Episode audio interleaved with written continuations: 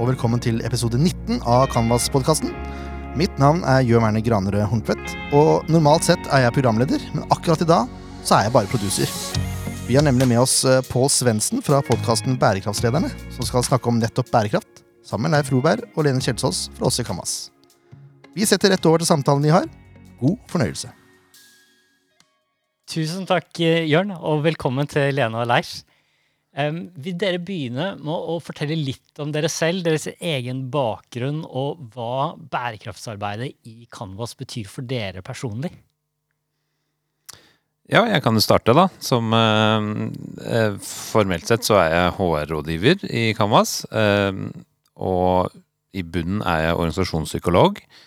Og har uh, jobba i Canvas i ti år med HR og personalledelse og mye av de tingene uh, knytta til det. Og så har jeg hatt et uh, miljøfyrtårnansvarlig uh, rolle, som eh, jeg har hatt nå i ja, i hvert fall eh, siden 2017, og litt før det òg, så har vi jobba med Miljøfyrtårn. Så det er eh, kanskje derfor jeg også er invitert hit, for å snakke litt om, eh, om bærekraft. da. Og for meg personlig så, så er det noe å gjøre en forskjell. Den lille, lille forskjellen jeg kan gjøre, som jeg har på en måte Jeg har kommet til uttrykk både gjennom Miljøfyrtårn og, og arbeidet med det i Canvas. Men, men det er også et eh, litt politisk engasjement som jeg også har, eh, hvor dette også har fått utløp. Så det er litt, eh, litt sånn på privaten så har jeg også engasjert meg i miljøspørsmålet, da. Det er spennende. Skal jeg fortsette, da? Eh, ja, jeg er eh, da formelt eh, leder i Canvas kompetanse, eh, men er utdanna barnehagelærer. Eh, og coach og veileder. Um, og det vil jo si til daglig så har jeg det overordna ansvaret for kompetanseutvikling og pedagogisk utvikling i Canvas. Eh, når det gjelder hvordan dette engasjerer meg rent sånn personlig, så tenker jeg jo at eh, det å gi barn gode oppvekstvilkår og motvirke utenforskap er nok det som treffer meg aller mest. Og det har truffet meg hele livet. Eh, fra jeg var ganske ung har jeg alltid jobbet frivillig for eh, barne- og ungdomsarbeid, og særlig innen idrett. Eh, så dette er absolutt noe som treffer meg rent personlig også. Og så er det jo vil jeg si jeg er heldig da, som også får lov til å gå på jobb hver dag og jobbe med dette som et av våre viktigste mandat også i Canvas. Ja, det, det er spennende å høre. Og, og, og da er jeg veldig interessert i å høre litt mer om Canvas, og kanskje hvorfor dette bærekraftsarbeidet i Canvas faller så naturlig og er såpass viktig del av fokuset deres. Mm. Jo, eh, det er jo sånn at eh, mange av de tingene som står i barnehageloven f.eks., eh, vil jo trekke frem spesielt den, da. Både paragraf 1, eh, som eh, sier at vi skal bidra til barns trivsel og glede i lek og læring, eh, er jo helt elementært for å eh, sikre at barn får en opplevelse av fellesskap, og motvirke dette utenforskapet da, som jeg snakket om innledningsvis.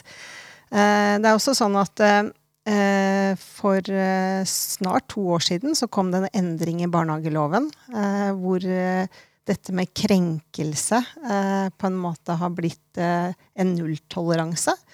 Eh, så vi har jo både fått eh, det vi i sektoren vår kjenner som paragraf 41, eh, nulltoleranse og forebyggende arbeid eh, eh, i forhold til krenkelser. Eh, paragraf 42, plikt til å eh, sikre at alle har et trygt og godt psykososialt barnehagemiljø. Og paragraf 43, sikre at voksne som jobber i barnehage, ikke krenker barn. Eh, Så dette her er eh, absolutt noe som, som treffer vår eh, hverdag. Hvis jeg får supplere litt, da, så eh, for de som kanskje ikke kjenner Canvas, så er vi da en eh, Eller vi er Norges største eh, ideelle barnehagestiftelse. Eh, vi har ideelt formål og tar dermed ikke utbytte. Så det gir jo oss mulighet til å jobbe eh, kontinuerlig med kvalitetsutvikling, kompetanseheving, og være en pådriver da, for å bedre barns oppvekstvilkår og, og uh, foreldrenes hverdag generelt, uh, og, og, og, spesifikt også Da henger det veldig nært sammen med bærekraftsmålene. Fordi de, de handler også om disse tingene. Så uh, vi er jo 1300 eh, ansatte og har eh, ansvar for 4200 barn. Og det betyr at det er et eh, betydelig fotavtrykk på det vi gjør, da. Ja, det er en voldsom størrelse på det. Som du sier, så, så, så, setter jo det i perspektiv hvor viktig bærekraftsarbeidet blir. Og så er det jo sånn med det feltet at det er i en voldsom utvikling. Og det ser vi jo i de aller fleste organisasjoner også. Kan ikke dere fortelle litt om den utviklingen dere har hatt innenfor bærekraftsarbeidet deres? Ja, skal jeg starte litt på den historien? Eh, for det knytter jo også litt inn i eh, miljøfyrtårnarbeidet, da, som vi har jobba med. Eh, du kan si det var ganske fragmentert for en, la oss si, fem år, sju år tilbake, før vi begynte det litt sånn strategiske arbeidet, så var det litt opp til hver enkelt barnehage hvor mye man jobba med, kanskje særlig om miljøarbeidet, da. Um, og da blir det sånn at da er det noen som gjør mer enn andre, og man får ingen standard. Uh, og da så vi til Miljøfyrtårn, for de hadde begynt å jobbe med å utvikle hovedkontormodellen. Uh, og vi starta da et prosjekt i 2017 Eh, som første barnehageaktør og veldig tidlig eh, ute i samarbeid med Miljøfyrtårn med å eh, bli sertifisert som hovedkontor. Og etter en lengre prosess så blei vi endelig sertifisert i 2019. Så det er ikke så lenge siden, men likevel, vi er ganske tidlig ute med å bruke den modellen. Eh, og i forlengelsen av det så har vi også nylig knytta oss til FNs bærekraftsmål eh, og, og, har gjort liksom, jobben med å selektere de, de, målene vi skal velge å eh, fokusere på. Da. Så si, mandatet har jo utvida seg ganske mye da, fra det mer klassiske miljøarbeidet til det å jobbe med miljøpedagogikk og bærekraft i, i det brede. Eh, så, så, det er kanskje den eh, veien vi har gått eh, de siste kanskje, ja, siden ca. 2017, da, som, som, har vært det virkelig liksom, løftet også fra sentralt. da. Mm. Og da vil jeg legge til eh, at uh, strategiarbeidet til Canvas har jo også utviklet seg på, på de samme tre-fire-fem årene som Leif nå Ja, som du nevnte nå innledningsvis, da.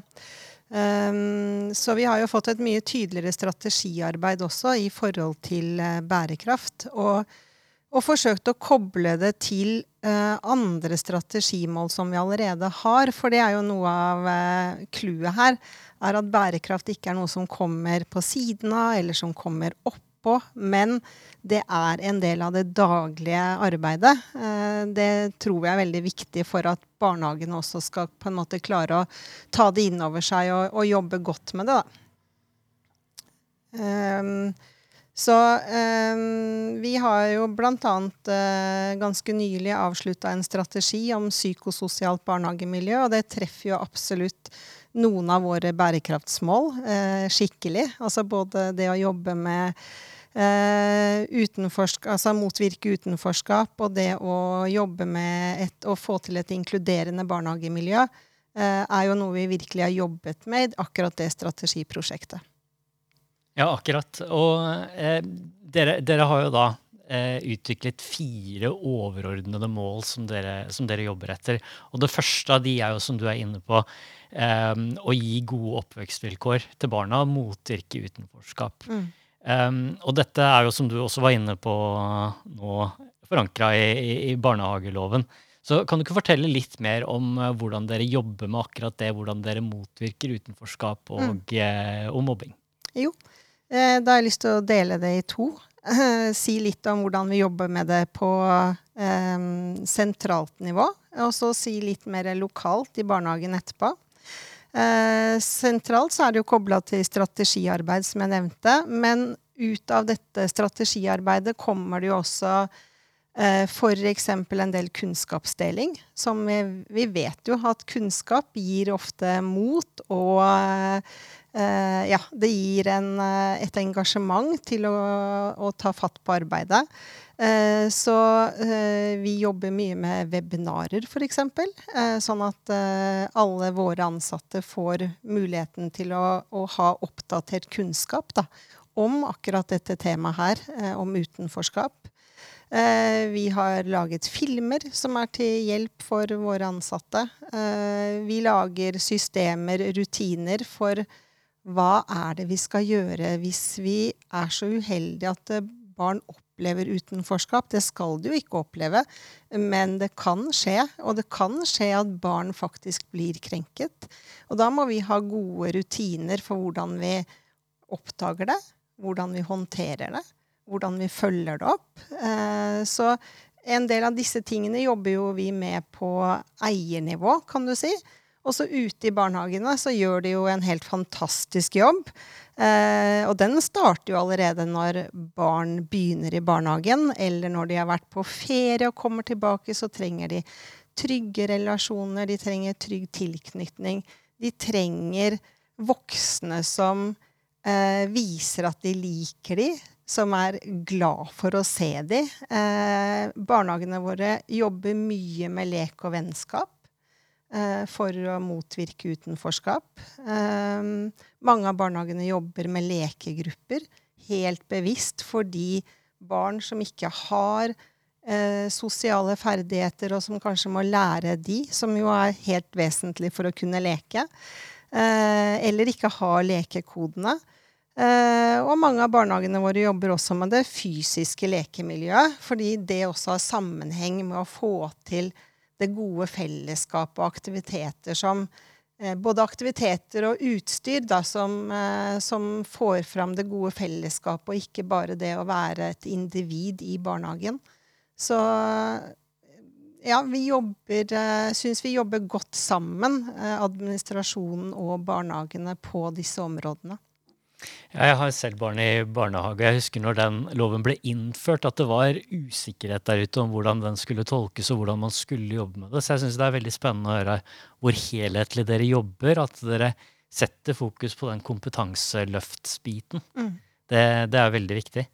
Um, det andre målet handler om å skape miljøvennlige holdninger hos barna, hos den kommende generasjonen. Um, hvorfor er det så viktig, og hvordan eh, går dere fram for å oppnå, oppnå det? Eh, ja, kan jo, jeg kan starte litt, da, så skal Lene få supplere. Um, det er jo noe med igjen å se på at det, dette er det største fotavtrykket vårt. Da. Uh, det å påvirke den kommende generasjon. Da, til å sette pris på naturen og ønske å ivareta den. Da. Um, og da blir det viktig å sette barna i sentrum for det uh, miljøarbeidet. Uh, og at uh, det er de som involveres i det aller meste.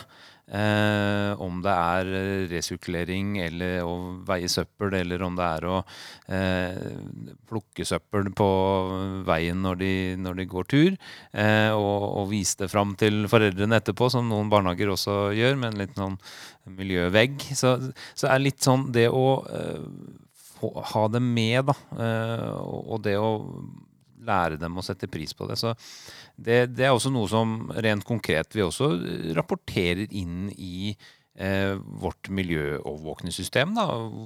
Hva gjør man rent eh, pedagogisk med barna? Og, og, og, vi prøver også her å, og, jobber kontinuerlig med dette her. Og, klare å dele disse gode historiene, den beste praksisen, sånn at også terskelen for de barnehagene som ikke har kommet så langt, blir lavere fordi de blir inspirert av andre. da.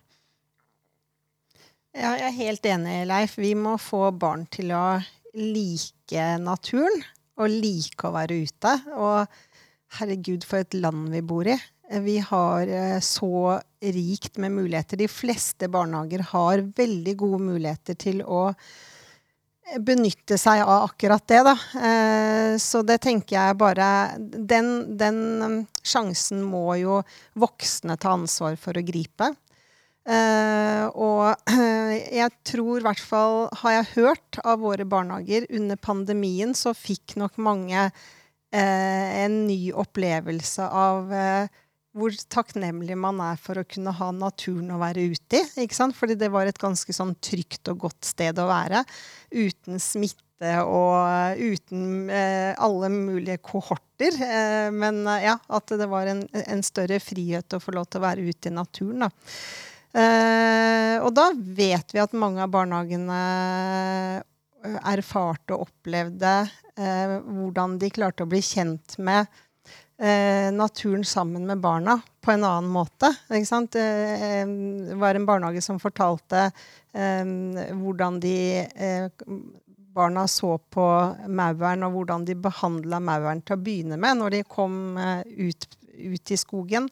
Eh, tråkka litt på de og var egentlig ikke så veldig humane med disse maurene. Men eh, med en litt stødig voksen som kunne fortelle at faktisk har mauren en, eh, har en arbeidsoppgave her ute i naturen. Eh, så får man jo snudd på noen holdninger, og man skaper egentlig noen andre verdier da, hos barna. Eh, og akkurat det tenker jeg er veldig, veldig Det er veldig verdifullt. Og det eh, Det er jo ikke alt av dette miljøarbeidet som kan telles og måles, men eh, det er, det er i hvert fall veldig viktig å jobbe med holdningene og verdiene. Og så vil man jo se, når man følger barn tett på, at det, det skjer noe, og at de ja, at, de, at, de, griper det an på en annen måte etterpå. Ja, jeg ser jo gjennom denne podkasten hvor mange av de jeg snakker med, som fikk miljøengasjementet sitt eh, trigga i barndommen. Så sånn sett så ser man jo at eh, den eh, viktigheten av det, det vedvarer gjennom, gjennom livet. Um, det tredje målet deres handler om uh, de ansatte og det å skape en helsefremmende og inkluderende arbeidsplass for de ansatte. Hvordan går dere fram her? Hvordan jobber dere med å oppnå det?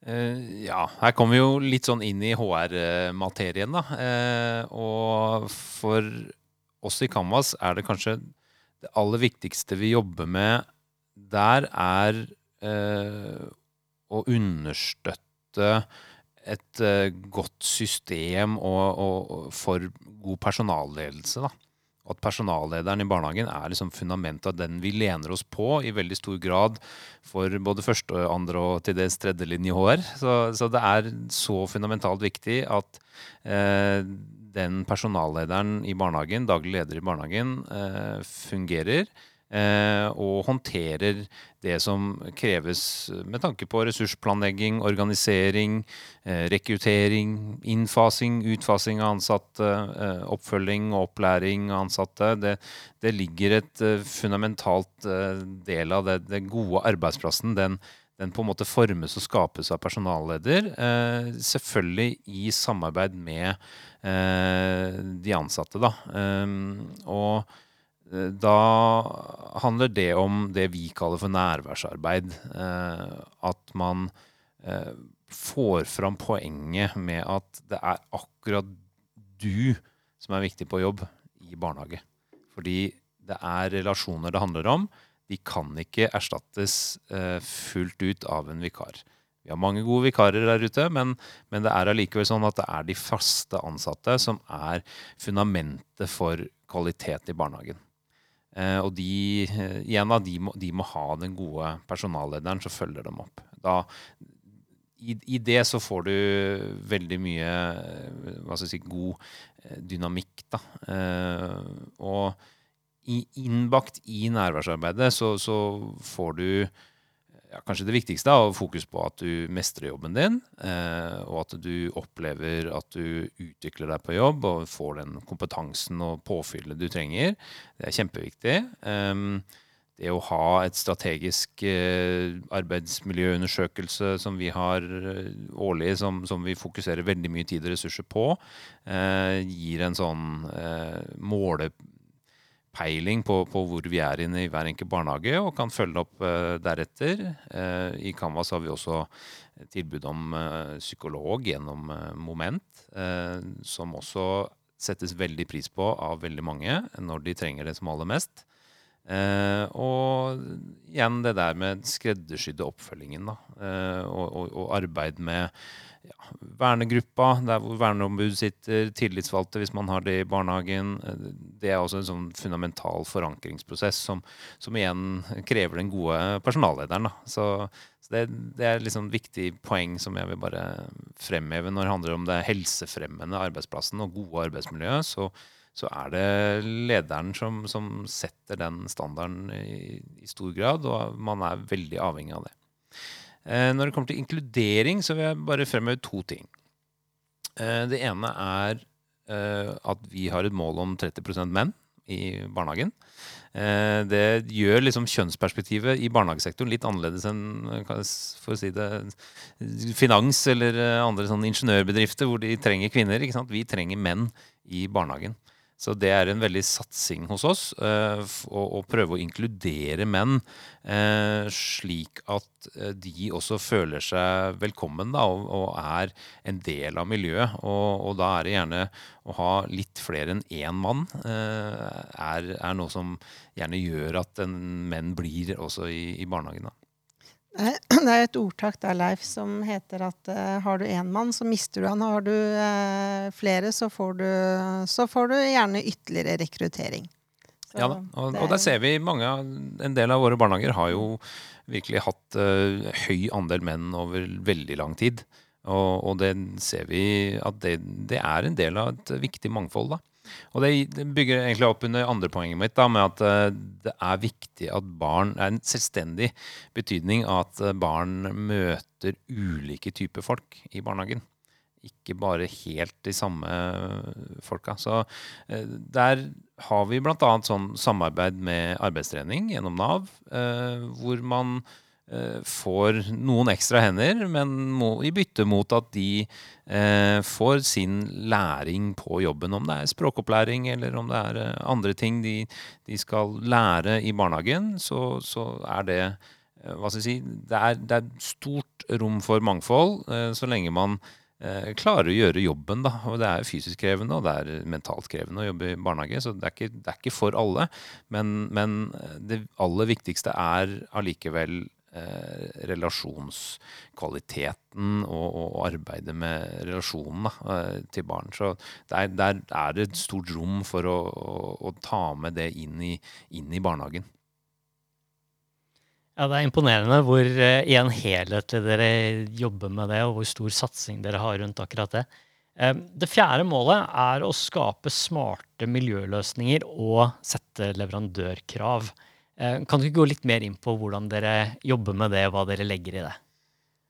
Ja, jeg kan starte litt, litt jeg, ja, da, så kan jo du supplere, Lene. Uh, det, det, litt sånn fundamentale her er jo å ha litt sentraliserte innkjøpsprosesser på de store tingene. Sånn at vi der sikrer at vi har profesjonelle leverandører som leverer i tråd med bærekraftsmålene, som går jo mer enn bare miljø. ikke sant? Det handler også om eh, ansattes rettigheter og, og de tingene at det ikke eh, Hva skal jeg si Det skal ikke køddes med. Um, og at vi har en innkjøpsveileder òg, som, som, gjør barnehagene si, Der setter klare forventninger da, til hva barnehagene skal vurdere når de kjøper lokalt. Eh, hvor også selvfølgelig eh, miljøkravene og, krav til at man kjøper av ryddige aktører, eh, er, er, er grunnleggende for dem òg, da. Så det, det, foregår litt sånn på to nivåer, egentlig. Skal jeg supplere litt da, Leif? Eh, ja. Kan snakke litt om miljøløsningene slik vi løser det innad i Canvas. Eh, vi har jo en eiendomsavdeling det skal vi være veldig takknemlige for. De er utrolig dyktige, og de er veldig dyktige på å gjenbruke eh, alt fra ja, eh, møbler, materialer. Eh, de pusser opp, og gode eksempler på det er bordplater som, som ja, får nytt liv, og som kjøres ut igjen. Og kanskje kjøres ut i en barnehage som trenger det mer enn en annen barnehage. Vi har byttetorg på intranettet vårt. Eh, så når eh, noen barnehager eh, har utstyr som de ikke lenger har bruk for, så legges det ut der, og det blir veldig ofte omsetning på, på disse sakene. I desember, som kommer nå, så starter vi opp et nytt strategiprosjekt. Fysisk lekemiljø. Og her er ingen unntak, så bærekraft er naturlig nok bakt inn i dette prosjektet. Og har på en måte sine, sine formuleringer i mandatet. Og da skal vi jo selvsagt jobbe mye med bærekraftige materialer, bærekraftige leker, ikke sant. Altså eh, det å bruke Velge eh, materialer som står seg over tid. Eh, at barnehager ikke trenger Alle avdelinger trenger ikke å ha alt, men man kan heller sirkulere på lekene. Så er det kanskje litt mer spennende når man får eh, annet material på besøk igjen. Eh, det å jobbe med gjenbruksmateriell, det skal vi forsøke å ha litt mer fokus på.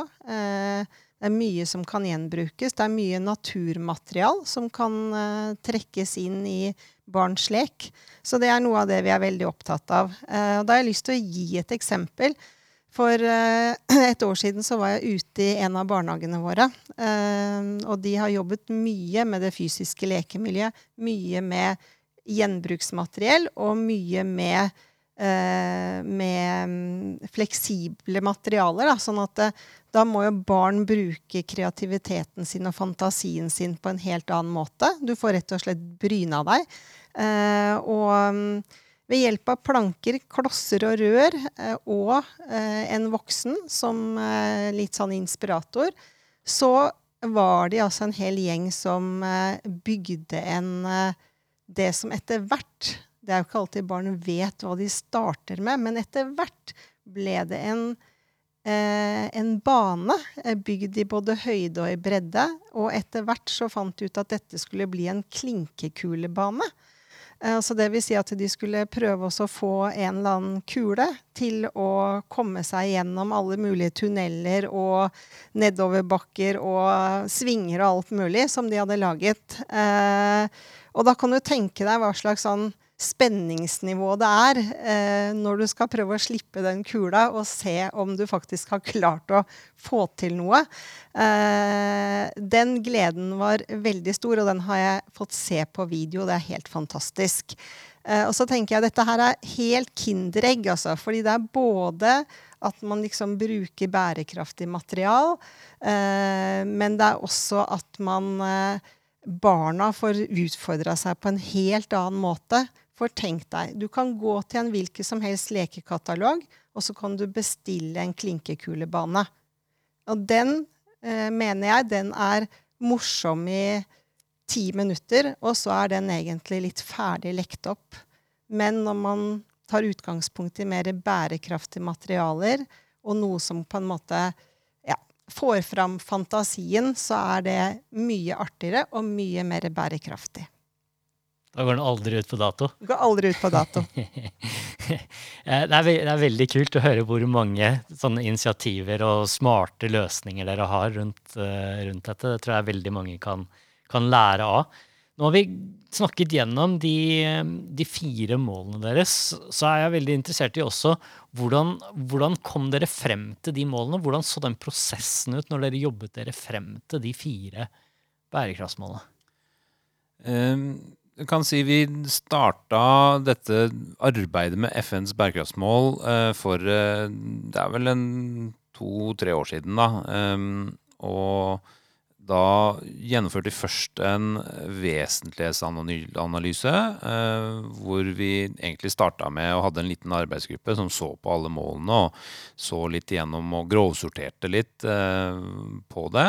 Så det var meg selv og og daglig leder i stiftelsen, Robert Ullmann, og kommunikasjonssjef eh, Synne Alsaker, som eh, jobba fram eh, litt sånn utgangspunktet. Eh, og så involverte vi fagavdelingene for å få litt sånn de, de faglige eh, innspillene på, på, hva som bør være med. Og så jobba vi med lederne i barnehagene om, om å liksom få liksom utdefinert hva, hva, hva skal vi endelig velge, da. Eh, så, så, det var en, en betydelig prosess som eh, liksom kom til uttrykk til slutt med, med at vi liksom tok med oss dette arbeidet inn i en storsamling som vi hadde på Gardermoen. Det kan du kanskje si litt mer om, eh, Lene? Ja, vi hadde en storsamling nå i september for alle våre ansatte. 1300 ansatte. Eh, Samla i to dager. Eh, hvor psykososialt barnehagemiljø med veldig mange ulike innfallsvinkler var tema. Så da kan vi jo si at vi Eh, vi jobba jo like mye med bærekraft egentlig på den samlingen som vi jobba med psykososialt barnehagemiljø, og vi prøvde å få fram det også eh, i eh, Holdt på å si både alle innledninger vi hadde, eh, og også introer til de ulike delene eh, som, eh, som ble presentert der oppe. Så og det tror jeg vi lykkes med, for det var veldig mange som sa at eh, det var en god rød tråd. Det opplevdes som en god rød tråd i arbeidet vårt der oppe. Eh, så, så det ble på mange måter en bærekraftsamling også, da. Absolutt. Mm. Det var uh, veldig spennende å, å liksom få det perspektivet inn, og, og, igjen løfte mening og betydning for, for alle ansatte. Det, i den, å løfte betydningen av den jobben du gjør, da. Mm. For det er så viktig at vi får fram det for å løfte liksom, statusen til sektoren. Ja, hvilke typer tilbakemeldinger fikk dere fra, fra de ansatte etter å ha vært med på en sånn prosess? Tenkte du på storsamlingen nå? Ja. Ja, eh, ja, nei, altså det å være sammen om noe så stort er eh, Det er jo Det er jo unikt, da, i barnehagesammenheng. Og også få lov til å kjenne at de er eh, en del av noe større, det tror jeg er viktig. ikke sant? For til daglig går du jo ut og inn av den barnehagen du jobber i. Men så er du jo en del av et stort system eh, som heter Canvas. Og, og, det å få kjenne på det er nok eh, Bare det i seg selv er ganske stort. Men også tenker jeg den eh, balansen der oppe, da, på at du får lov til å velge deg ut også. Noen paralleller som interesserer deg, eh, og, og, som engasjerer deg ekstra. Uh, og, og, den balansen mellom det og det som vi mener at alle Eh, bør få kunnskap om. Eh, det tror jeg også er noe som settes veldig stor pris på. Ja, det kan jeg tenke meg. Og jeg ønsker å gå litt tilbake til Miljøfyrtårn. Du var innom det tidligere, Leif, at uh, dere var den første barnehagen som gikk gjennom hovedkontormodellen med Miljøfyrtårn. Og dere har jo ikke bare sertifisert dere, men dere har jo også jobbet tett med Miljøfyrtårn på å videreutvikle deres kriterier for eh, barnehager. Kan du ikke fortelle litt mer om den prosessen? Hvorfor, altså Hva behovet for det var, og, og, og, og hvordan dere jobbet uh, med Miljøfyrtårn? Uh, det var litt sånn viktig for oss at Miljøfyrtårn skulle integreres som en del av Canvas sitt rammeverk. Eh, både på det pedagogiske plan, men også på mer det litt sånn administrative plan og, og rapportering og sånne ting. Så det, det, er viktig for oss at ting henger sammen. Eh, for ellers så blir det så mye merarbeid i å tolke og forstå. Eh, så, så, det må integreres, for man har ikke tid til å eh, I barnehage, barnehagehverdag så, så, må det på en måte integreres eh, godt, det, det, den jobben man gjør. Og et eksempel på hvordan vi jobba med Miljøfyrtårn, var da vi, vi spilte inn ganske tydelige ønsker om å gå litt vekk fra disse lange sjekklistene som Miljøfyrtårn hadde på, på mange plan. Eh, men også på det miljøpedagogiske arbeidet så var det veldig sånn lange sjekklister. Har du gjort det? Har du gjort det? Og heller gå over og benytte en idébank.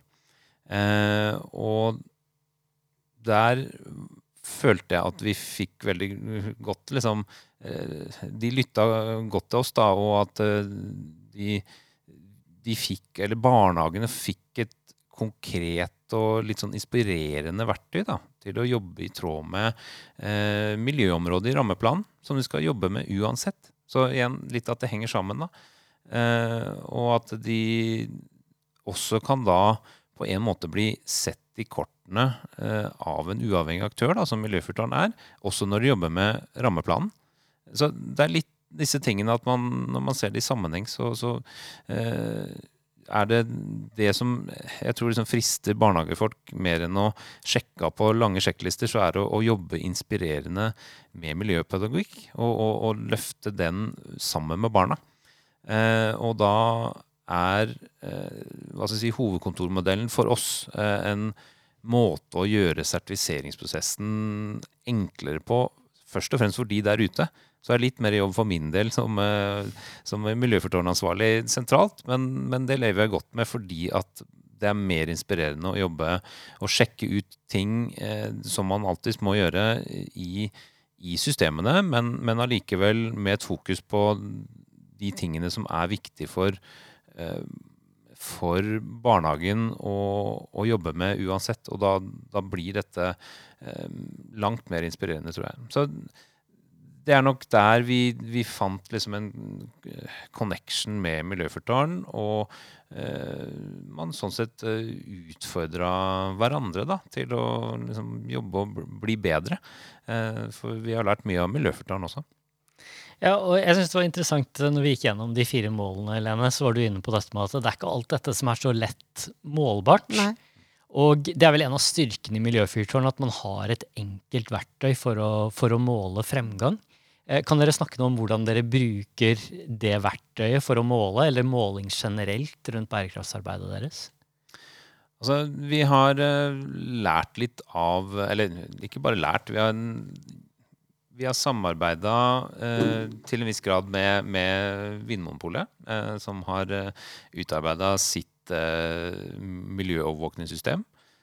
og så har vi i samarbeid med da eh, Rolf Eriksen, som er vår miljøfyrtårnkonsulent, som har jobba fram dette for, eh, for eh, Vinmonopolet, som, som, vi har tilpassa vårt vår bransje, da. Det er, det er noen forskjeller mellom pol og, pol og barn men, og barnehage, men, men, det er også noen likheter. Eh, vi er, alle, vi er begge si, mange geografisk spredte enheter, eh, f.eks., eh, som skal gjøre det samme i stor grad i, i de ulike enhetene. Så, så, det gjør at vi sånn sett har liksom fått tatt i bruk et, et systematisk strukturert verktøy som, som, gjør det lett for barnehagene å rapportere det de uansett må rapportere på. Eh, og mange ganger så er dette ting som er grunnleggende HMS-rapportering, som de må rapportere på eh, også for, når de får tilsyn fra kommunen. Og, og, så det er på en måte igjen, det, det treffer flere formål. Da. Eh, og, det tror jeg er det viktige i det systemmessige arbeidet. Ja, og for dere, Har dere fått tilbakemeldinger fra andre barnehager rundt arbeidet dere har gjort her? og å, samarbeide med Miljøfyrtårn? Vi har vel ikke snakka så veldig mye med andre aktører eh, om det, men jeg håper at eh, det at vi har vært med og bidratt inn i Miljøfyrtårn, inspirerer også andre barnehageeiere til å sertifisere barnehagen, og at eh, miljøforordningen blir eh, sånn sett eh, bedre, og at det senker terskelen for at også andre går gjennom sertifiseringsordningen. Eh, det, det, håper og tror jeg at eh, barnehagefolk ser at dette her er litt lettere å gjøre med idébank istedenfor sjekklister. og Litt sånne ting er, gjør, gjør den jobben eh, lettere. Ja, ikke sant. Og for eh, vi har også vært innom det. Dere er en kompleks organisasjon. Dere har ca. 70 barnehager og over, over, 17, nei, over 1300 ansatte. Um, så hvordan organiserer dere bærekraftsarbeidet, og hvordan sikrer dere at det jobbes på en systematisk måte på tvers av alle barnehagene? Jeg kan si det grunnleggende er at vi eh, har brukervennlige systemer så langt det lar seg gjøre. Eh, og, og, at det er lett å gjøre det riktig og være effektiv da, i, i, rapporteringsarbeidet, den litt kjedelige delen av det. Og så kan man heller jobbe med det mer inspirerende og spennende lokalt i barnehagene. Og så, litt som jeg nevnte, det å flytte rapportering, de sentrale tingene eh, kan man, og rapporteringen som, som vi kan gjøre sentralt, det, det gjør vi sentralt. Og løfter da en del av arbeidet vekk fra barnehagene. Og det er jo fordelen med en hovedkontormodell. da. Um, og, og, da blir det igjen sånn at uh, når vi har knytta også dette systemet opp mot HMS, HR-prosedyrene våre, så uh, da er det sånn at når man gjennomfører de prosedyrene, når man rapporterer det man skal rapportere, så leverer man på mange mål, inkludert eh, FNs bærekraftsmål på miljøfyrtårnsertifisering. Man leverer på tilsyn til barnehagen og etc. etc. Det er veldig mye kontroll og systemer som det jo er i en, en sektor som stadig profesjonaliseres. Og det legges stadig nye krav eh, på barnehagene, og da er det noe med å som en eier gjøre det lett for barnehagene å gjøre det riktig. Da. Ja, for den eh, tidsklemma må jo være en, en, av de store utfordringene for dere når dere skal ta tak i bærekraftsarbeidet. Det å få plass til det i en ellers eh, travel hverdag. Hvordan klarer dere å sikre at eh, alle barnehagene rundt om finner tid og klarer å prioritere bærekraftsarbeidet? Men da er vi litt tilbake til det jeg var eh, inne på innledningsvis. At da er det veldig viktig at eh, vi også hjelper barne, barnehagene med å se det her inn i allerede eksisterende arbeid. Da. Eh, og, og det det tror jeg bare er noe som vi må bare repetere og gjøre hele tiden. ikke sant? Altså hjelpe til å kan man si, oversette. At ikke det her blir noe som er på toppen av, og ikke noe på siden av. Uh, men, uh, men liksom For eksempel et, ja, Bruke et eksempel igjen, da. Dette her med hvordan miljøarbeid kan finne plass inn i leken, f.eks. På jeg tror det er NRK Super, så har de en sånn derre eh, ny, nyere versjon av det som var Blekkulf i gamle dager, som jeg kan huske at mine barn eh, så på og hørte på. Eh, og det vet jeg at flere av barnehagene våre har brukt, og da får jo eh, det en en naturlig plass inn i leken, da, som voksne og barn blir eh, sammen, sammen om. Eh, og jeg tror det er nøkkelen å hele tiden liksom finne sånne ja, finne sånne gode strategier på å liksom få det her til å henge sammen med noe du skal gjøre i barnehagen allikevel. Lek skal du gjøre. Eh, men om eh, liksom det er inspirert av litt bærekraft, det er jo bare kjempefint. Altså, så får man liksom ja, to, to, viktige paralleller da, som kan gå litt mer hånd i hånd. Det tror jeg er nøkkelen.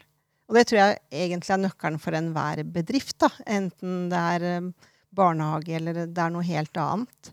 Uh, så, så, det må vi være gode på.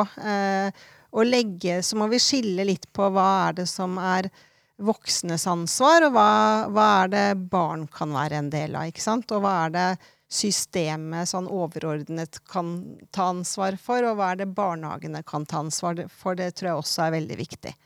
At uh, vi, vi, er helt tydelige på de tingene der, da. Ja, så synes jeg Det var så fint uh, tidligere når dere fortalte at dere hadde klart å samle alle 1300 ansatte, og at bærekraft var et sentralt tema i, mm. i det møtet. Mm. Um, hvordan, hvordan jobber dere med å følge opp det, og bygge den kompetansen og det engasjementet i organisasjonen som skal til for å, for å få til dette du akkurat mm, snakker om, da, mm. for å integrere dette i mm, lek og i hverdagen. Nå gjorde vi jo noe smart selv, da, syns vi denne gangen, når vi arrangerte og planla denne store konferansen, at vi eh, ba alle som bidro inn i arrangementet, om å også etterlate seg litt ressurser i kraft av gode refleksjonsoppgaver, eh, eh, gode presentasjoner, ikke sant. Sånn at eh, nå ligger alt veldig sånn godt på intranettet vårt som et godt etterarbeid da, for alle barnehagene.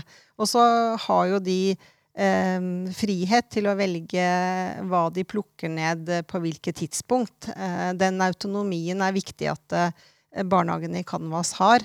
Eh, men, men, det, tror jeg, er veldig, det tror jeg er veldig viktig, at vi tilrettelegger for at det ligger gode ressurser der. Eh, og så har Canvas over lang tid vært opptatt av å være et lærende fellesskap eller lærende organisasjon.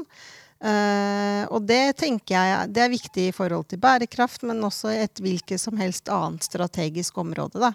Uh, hvor lederen blir uh, veldig sentral.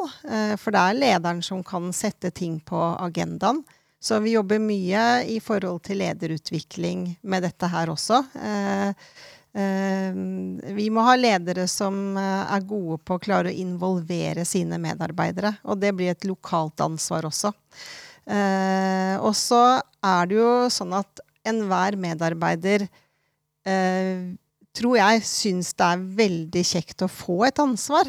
Altså at leder også tør å delegere noe ansvar, da, også innenfor dette området her.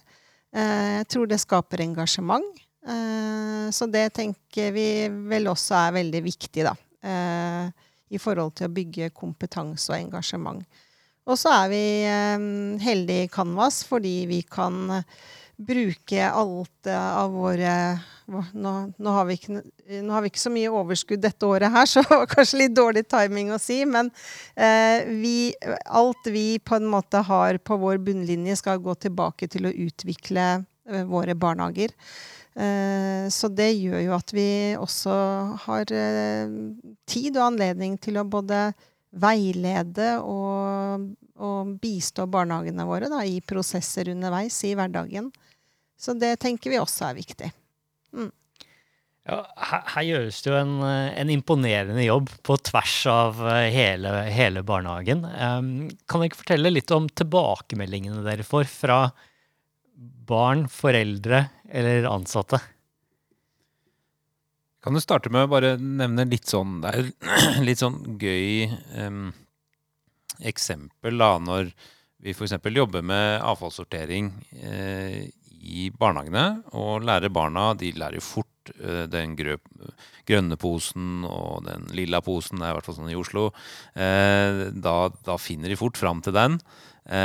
Og da er jo ikke veien lang til at de tar med seg de den læringen der tilbake i eh, heimen og instruere foreldrene om eh, hvor søppelet skal på plass. Så det er en sånn enkel, lite eksempel som, hvor du ser effekten også av at barna tar med seg sin læring inn i tilbake til sin familie. Da. Mm. Og det er litt sånn gøy å gøyt eksempel som også er veldig konkret, som jeg tror veldig mange kjenner seg igjen i akkurat det der. Både barn og foreldre blir jo veldig stolte på hver sin, uh, hver sin måte. Jeg uh, også lyst til å gi en, et eksempel fra en sånn uh, De fleste som har gått inn og ut i en barnehage, kjenner til de blå skoposene. Og vi hadde en barnehage som tenkte, hvor de voksne tenkte skal vi fortsette med alle disse blå skoposene? Og så var det snakk om skal vi bare sende ut en en mail om at nå er det slutt på de blå sko skoposene. Men så tenkte de seg om, og så tenkte jeg det er mye mer spennende å få med barna egentlig på dette arbeidet. Og så fant de ut at eh, vi kan jo samle på dem, så vi kan henge dem opp på en sånn line i taket.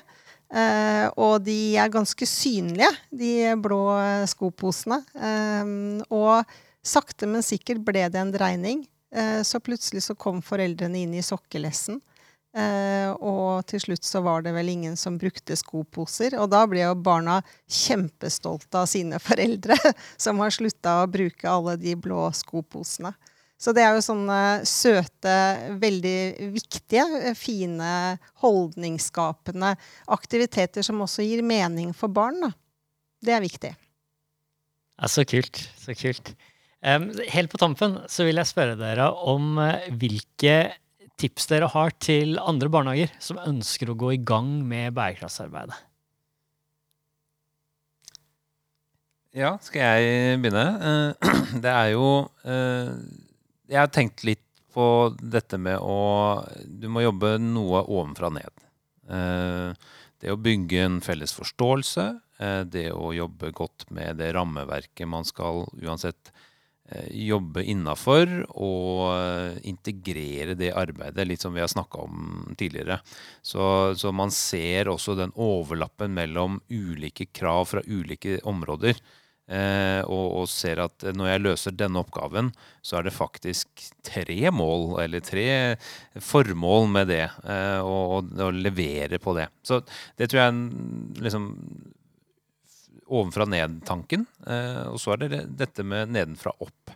Det å eh, starte i det små. Eh, jeg er veldig fan av uttrykket småskrittseksperimenter. Det å, det å prøve ut noe. Se hvordan det går. Forkaste det som ikke funker, og gå videre. Det har jeg veldig tro på, og gjør at man igjen kanskje kan la seg inspirere av Idébank, eller finne inspirasjon andre steder, også fra egen på, på, egen kjøl. Og, og prøve seg ut med noe som er såpass lavterskel at det er mulig å gjennomføre. Det tror jeg er en sånn grunnleggende viktig viktig ting for å, for å, bare komme i gang. Ellers så blir det fort store ord, og så ender det med det. Men mm. med å tenke litt sånn nei, men nå skal vi bare prøve noe, så er det litt lavere skuldre òg. Jeg vet ikke om du var tydelig på det, men det å våge å sette mål, det tror jeg er eh, det er viktig. Altså det er liksom en del av den derre strukturen du må eh, få til for å lykkes med kvalitetsutvikling av virksomheter, uansett hva du holder på med. Også involvering av personal for å skape et engasjement og et eierskap eh, tenker jeg også er veldig sentralt. Og så til eh, alle andre som jobber i barnehage, så tenker jeg at vi har veldig gode muligheter. Gjennom barnehageloven og rammeplanen skal vi f.eks. jobbe med fysisk lekemiljø. Jeg kan ikke noe annet enn å se at ikke bærekraft er en del av det.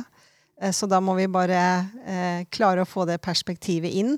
Eh, det samme i forhold til psykososialt eh, miljø. Eh, ikke sant? Og det å eh, motvirke utenforskap. Det, det, ligger så tydelig i vårt mandat. da. Og så skal vi jo også gjennom rammeplanen jobbe med miljø, ja, miljøvennlige holdninger. da.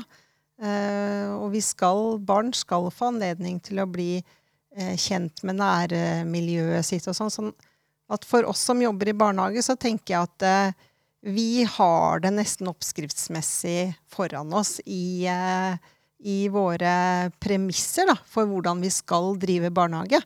Eh, så vi er egentlig litt heldige òg. Bedre avslutning enn det tror jeg ikke vi får. Tusen takk til dere begge. Det har vært fantastisk lærerikt og inspirerende.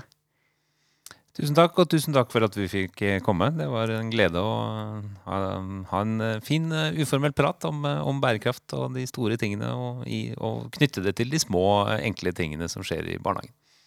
Helt enig. Tusen takk. Dette var altså et samarbeid sammen med Pål Svendsen fra podkasten Bærekraftslederne. Tusen takk til Lene og Leif, som gjorde en strålende innsats på Kanva sine vegne. Vi høres neste gang.